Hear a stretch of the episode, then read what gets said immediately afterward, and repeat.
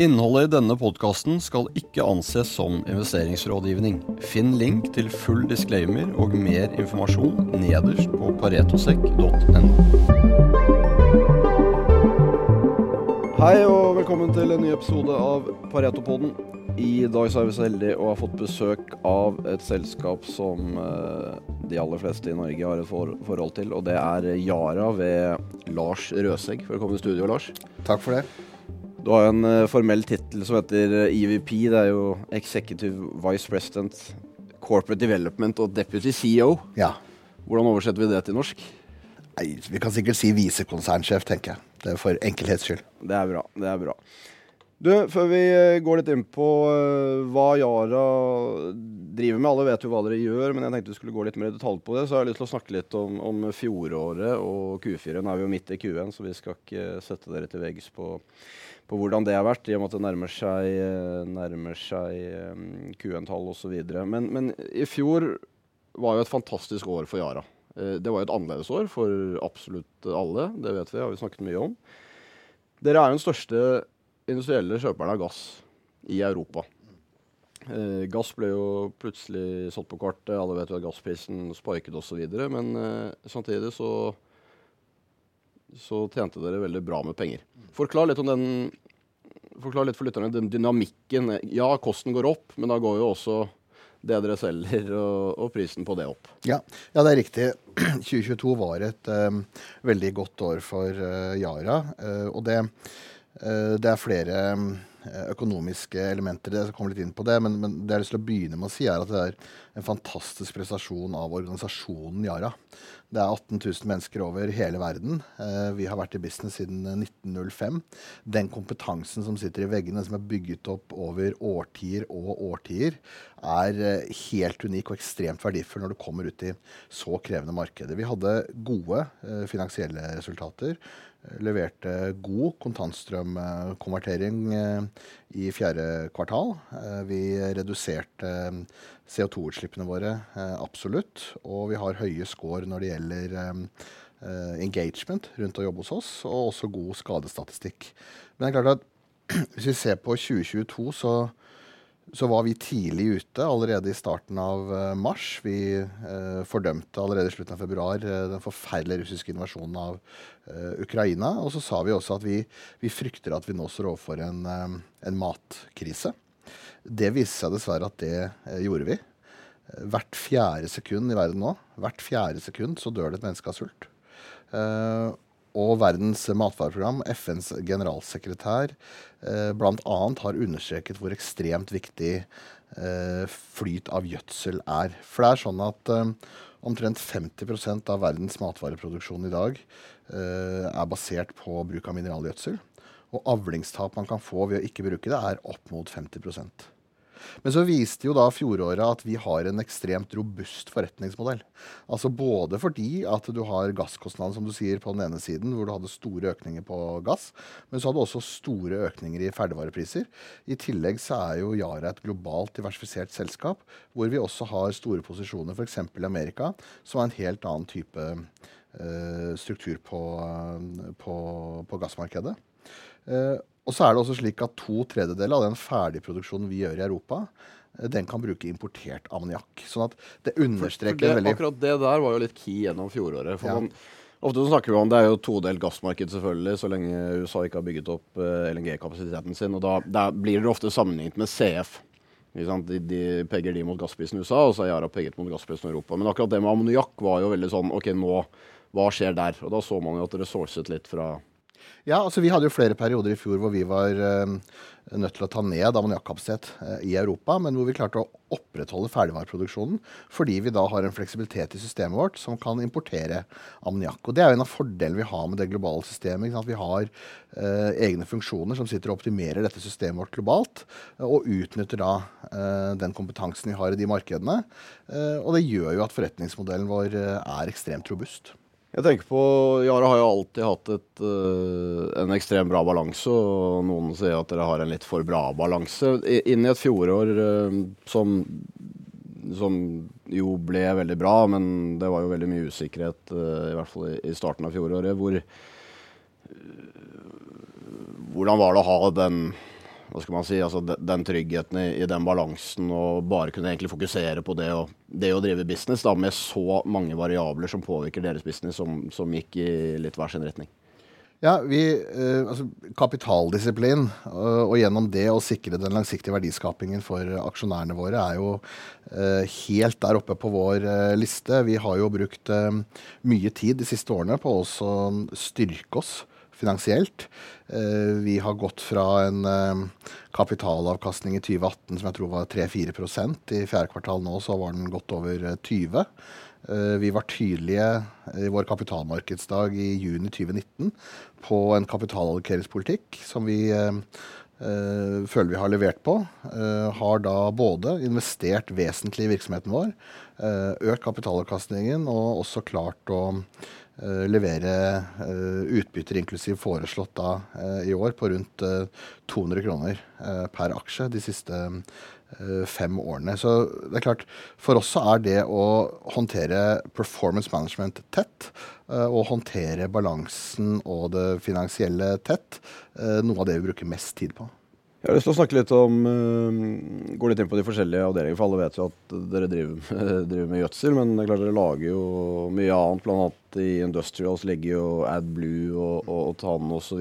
Hva strategisk nå uh, Dere har snakket om clean ammonia, som vi skal komme litt, uh, litt inn på etter hvert. Yara Industrials er kanskje litt mer integrert og litt sånn vanskeligere å spinne ut enn en del andre ting? Ja, altså vi, vi, eh, vi, har vært tydelige på at vi er langsiktige eiere av uh, Industrial. Um, store deler av den virksomheten er også integrert og inngår i optimeringen uh, av fabrikkene våre. Men hvis du ser på det litt mer bredere strategiske, så har vi sagt at vi går i retning av 'growing in nature positive food future'. Ok, og hva, hva betyr egentlig det? Jo, da er det klimanøytralitet. Da er det regenerativt landbruk, og da er det prosperity.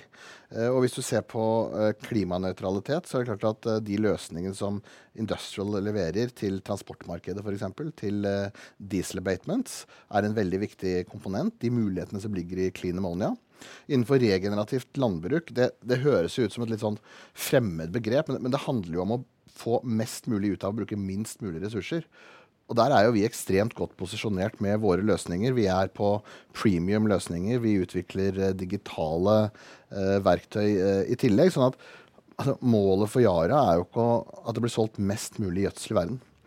Målet for Yara er høyest mulig effektivitet i landbruket. Og, og hvordan kan Yara mene det da, som, som, gjødselprodusent? Jo, fordi vi er helt sikre på at vi har et komparativt fortrinn nettopp i det å drive effektivt landbruk. Hvis vi uh, toucher litt innpå den clean ammonia-biten, så ønsker man kanskje å investere litt i oppstrøm, oppstrøm der. USA versus Europa nå, der er det jo mye som skjer på den politiske siden, og USA var jo først ute med IRA, og så slang Europa seg på. Hvordan tenker dere internt nå i forhold til Det er jo store diskusjoner i de store globale selskapene om hvor man skal sette spaden. Ja, ja.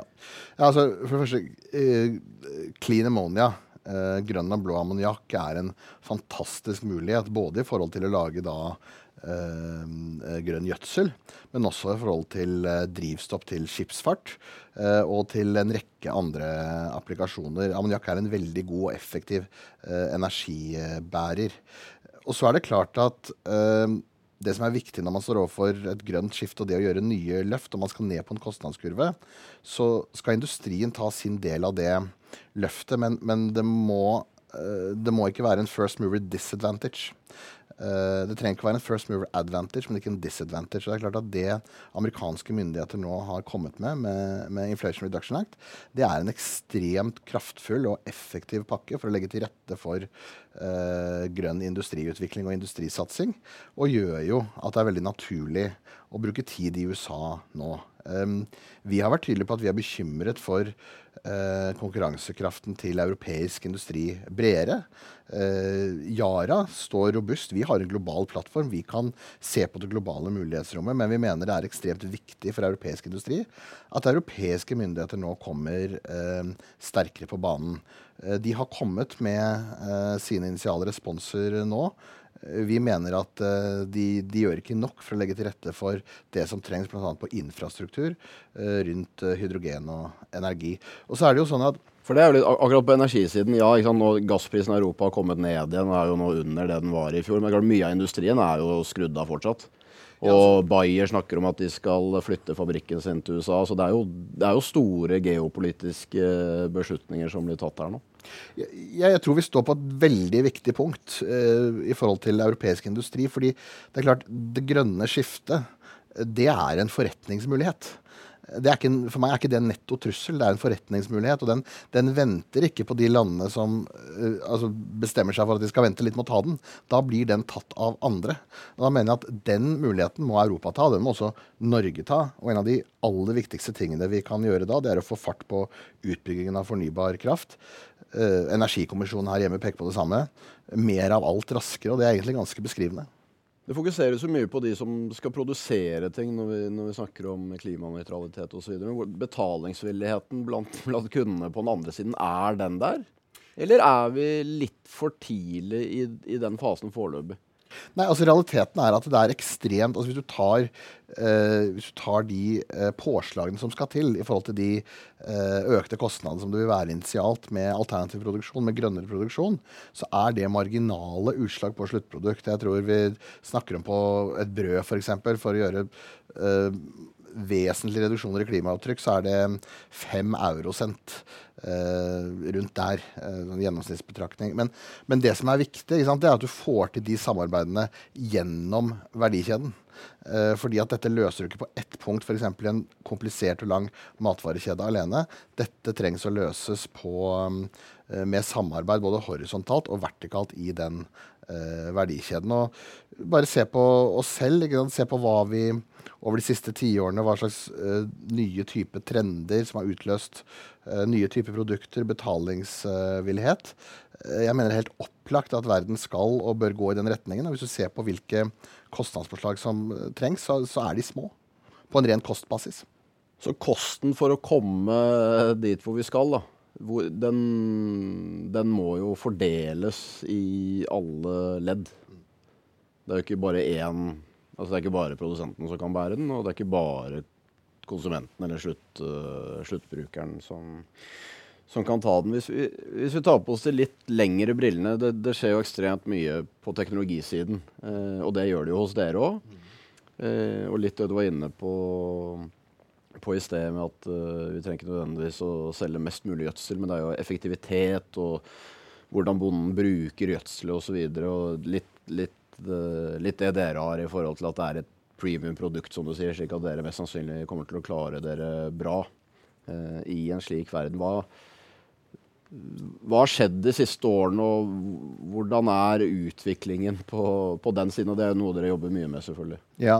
ja, altså På den ene siden så har du jo det vi har snakket litt om nå, rundt det å erstatte naturgass med hydrogen fra rene kilder. Det er klart at det er en Eh, en vesentlig eh, teknologiutvikling som skjer akkurat nå. Det fantastiske med det er at det er jo basert på kjent teknologi. Eh, men det handler om å få ned den eh, kostnadskurven. Men så skjer det jo ekstremt mye spennende på det digitale. Eh, og det er jo en av de komparative fortrinnene som vi har. Vi har kombinasjonen av produkt- og agronomikompetanse og digitale verktøy som øker muligheten for presisjonslandbruk. Og Hva betyr det rent, praksis, eh, rent praktisk? Jo, Det betyr f.eks. at du har da apper og digitale verktøy tilgjengelig som bonde, hvor du kan predikere basis ok, hva slags jord har jeg, hva slags vær ventes, eh, hva slags eh, crop, altså hva slags avling har jeg. Hvordan bør jeg da optimere tilførselen av næring, tilførselen av gjødsel? Eh, til eh, min eh, åker for å, for å, få mest mulig avling igjen. Og så jobber vi jo også med et ganske nystartet selskap internt som heter Agoro Carbon Alliance. Som rett og slett går på det å generere karbonkreditter for bøndene. For en av de tingene mange ikke vet, er at jorden kan øh, lagre karbon på en veldig effektiv måte. Det betyr at bønder har en fantastisk mulighet til å lagre karbon. Det får de ikke betalt for i dag. Og det er en av nøklene fremover. Vi må klare å um, sørge for at bøndene får betalt for den, uh, for den rollen, den helt avgjørende rollen de kan spille i det. I forhold til den kommunikasjonen dere har med, dere har med bøndene det, er klart, det er jo sesongvariasjoner i året, og det vil, jo, det vil jo alltid være. Det er vanskelig, det er vanskelig å få vekk de. Men vi har jo større svingninger i sesongene nå enn, enn hva vi hadde før. Uh, er det litt det Er det den viktigste delen av den i forhold til det som du sa med planleggingsfasen, å kunne predikere ting og når du skal gasse på og når du skal holde igjen, slik at du slipper mest mulig svinn, da.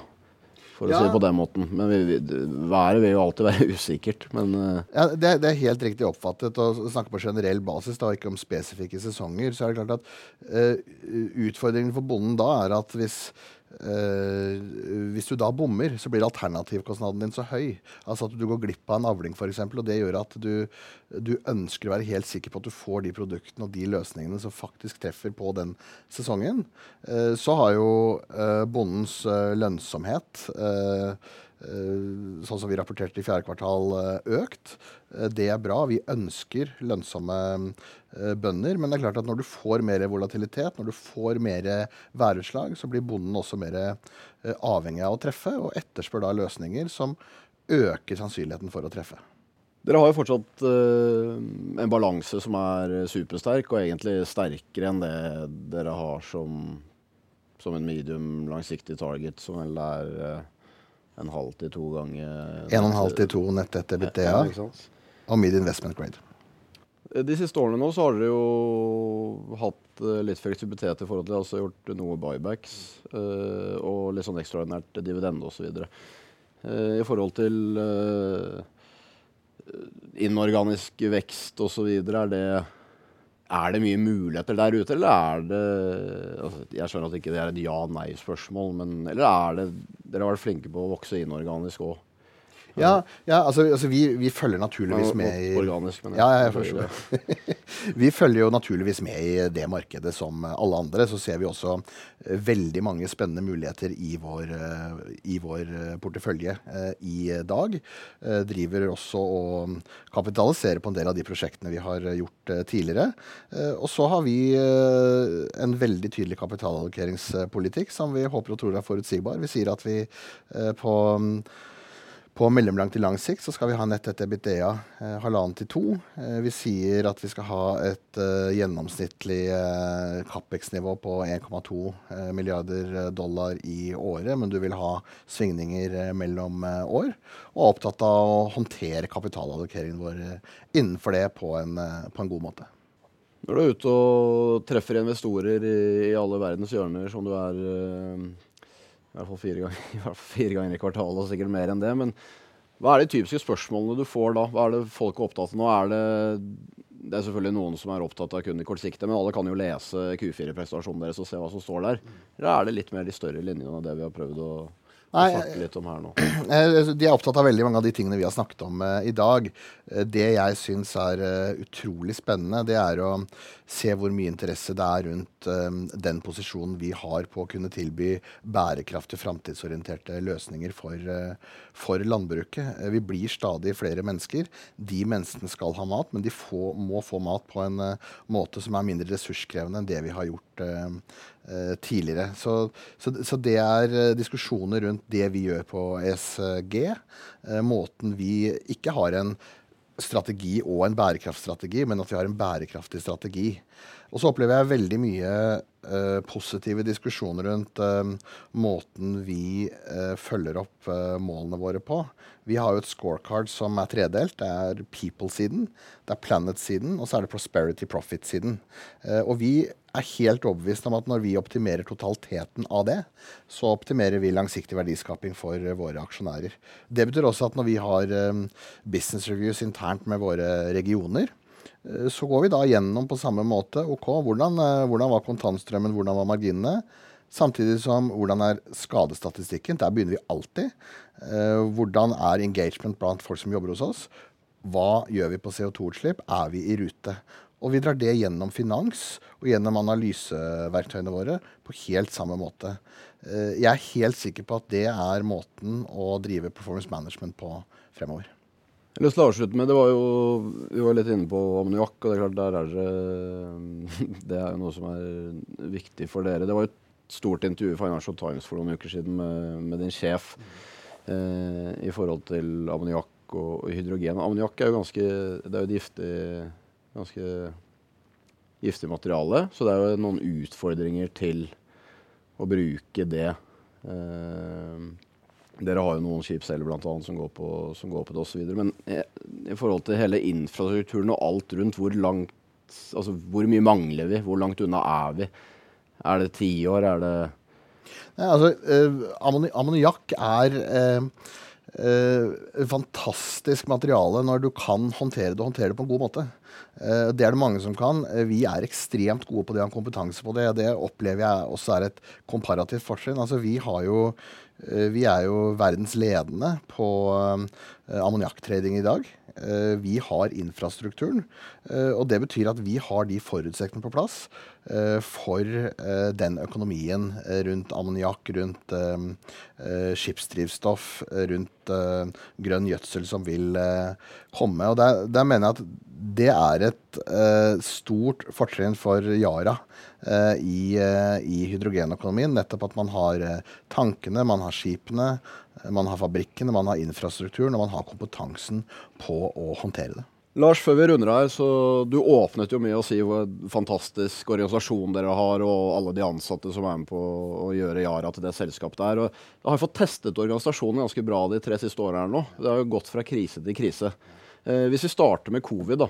Og, For oss var det enkelt å bare hoppe seg på Teams og sånn. Det er ikke så enkelt når du driver et globalt gjødselselskap. Nei, du, du, har helt rett. Vi har jo hatt flere år nå med ekstreme utfordringer. Og ja, som jeg sa innledningsvis, eh, ekstremt imponert over organisasjonens evne til å håndtere og respondere. Eh, det handler jo litt om at vi er et purpose-driven company. Altså responsibly feed the world and protect the planet. Når du får en pandemi, når du får en matkrise i Europa, eh, så responderer eh, det purposet og resonnerer veldig sterkt internt. Og hvis vi går tilbake sant, til 2020, så husker vi at et av de første stedene i Europa som ble mm, rammet av pandemien, det var Italia. Nord-Italia. Um, jeg i, kom hjem fra Italia sent i går kveld. Jeg var og besøkte fabrikken vår der for å si takk for den fantastiske innsatsen de gjorde. I april 2020 så satte de produksjonsrekord. Eh, og det forteller eh, ganske mye når man vet hvilke forutsetninger man har operert under. Vi valgte jo også i eh, mai 2020 å legge om hele organisasjonsstrukturen vår via Teams. Vi la om fra en funksjonsmodell hvor vi hadde produksjon globalt, salgs- og markedsføring globalt, til en regional modell. Fordi vi så at responsen måtte skje mye mer regionalt og lokalt enn det vi så tidligere. Det har organisasjonen respondert helt eh, fantastisk på. Eh, og så kom vi gjennom eh, pandemien eh, og kommer inn i en eh, krig eh, i Europa. dag tre av den russiske invasjonen så traff et missil vårt kontor i Kiev. Vi har elleve ansatte i eh, Ukraina som uh, går på jobb og gjør så godt de kan for å få gjødsel ut på de ukrainske jordene fortsatt, fordi de vet hvor viktig Ukraina er for uh, bl.a. verdens korneksport. vi har jo gjort en dramatisk endring av vår sourcing-portefølje. både våre råmaterialinnkjøp og Eh, hvis du ser på hele industrien, så har jo Russland og Hviterussland vært to store, store leverandører. Det er jo helt åpenbart at vi må redusere avhengigheten vår av uh, Russland. Uh, det har vi jobbet uh, mye med og kommet veldig, veldig langt på. og det er klart at det å se hvordan en organisasjon som Yara på tvers av hele verden uansett hvem du møter, hvor du reiser, eh, står opp om morgenen og håndterer den type kompleksitet, er ekstremt imponerende. Og så understrekes jo det at vi har klart å skape resultater eh, gjennom den type eh, volatilitet og perioder med lav visibilitet. Så det, det, sier mye om Yaras forretningsmodell, og det sier enda mer om eh, alle de som eh, jobber i selskapet. Jeg tror vi lar det være siste ord. Det har vært, en, det har vært tre interessante år, og Yara et av Norges mest globale selskaper. Det må være et spennende sted å jobbe. Det, det Fantastisk sted å jobbe. Det hører man sitter her og smiler. Eh, det er fordi du jobber et, eh, i en slik bedrift. Lars, ekstremt hyggelig at du kunne komme her til oss. Det setter vi utrolig stor pris på. Jeg tror lytterne også har lært litt mer om Yara. Forhåpentligvis veldig mye mer. Og vil du lære enda mer om Yara, så er det jo bare å gå inn på Yara sine hjemmesider, selvfølgelig. Der finner du jo Det er jo få selskaper i Norge som har en IR-funksjon som er så bred som dere har gitt, uh, gitt den globale størrelsen dere har. Så der finner du alt av presentasjoner og Fertilizer Handbook uh, hvis du har lyst til å gå skikkelig i detalj på ting. Uh, Pareto sine analyser de finner du på online.paretosek.com. Og så høres vi igjen i neste episode. Vi minner om at denne podkasten ikke inneholder investerings- eller annen type rådgivning. Handel i verdipapirer medfører til enhver tid risiko, og historisk avkastning er ingen garanti for fremtidig avkastning. Pareto Securities er verken rettslig eller økonomisk ansvarlig for direkte eller indirekte tap, eller andre kostnader som måtte påløpe ved bruk av informasjon omtalt i denne podkasten. Finn link til full disclaimer og mer informasjon nederst på paretosek.no.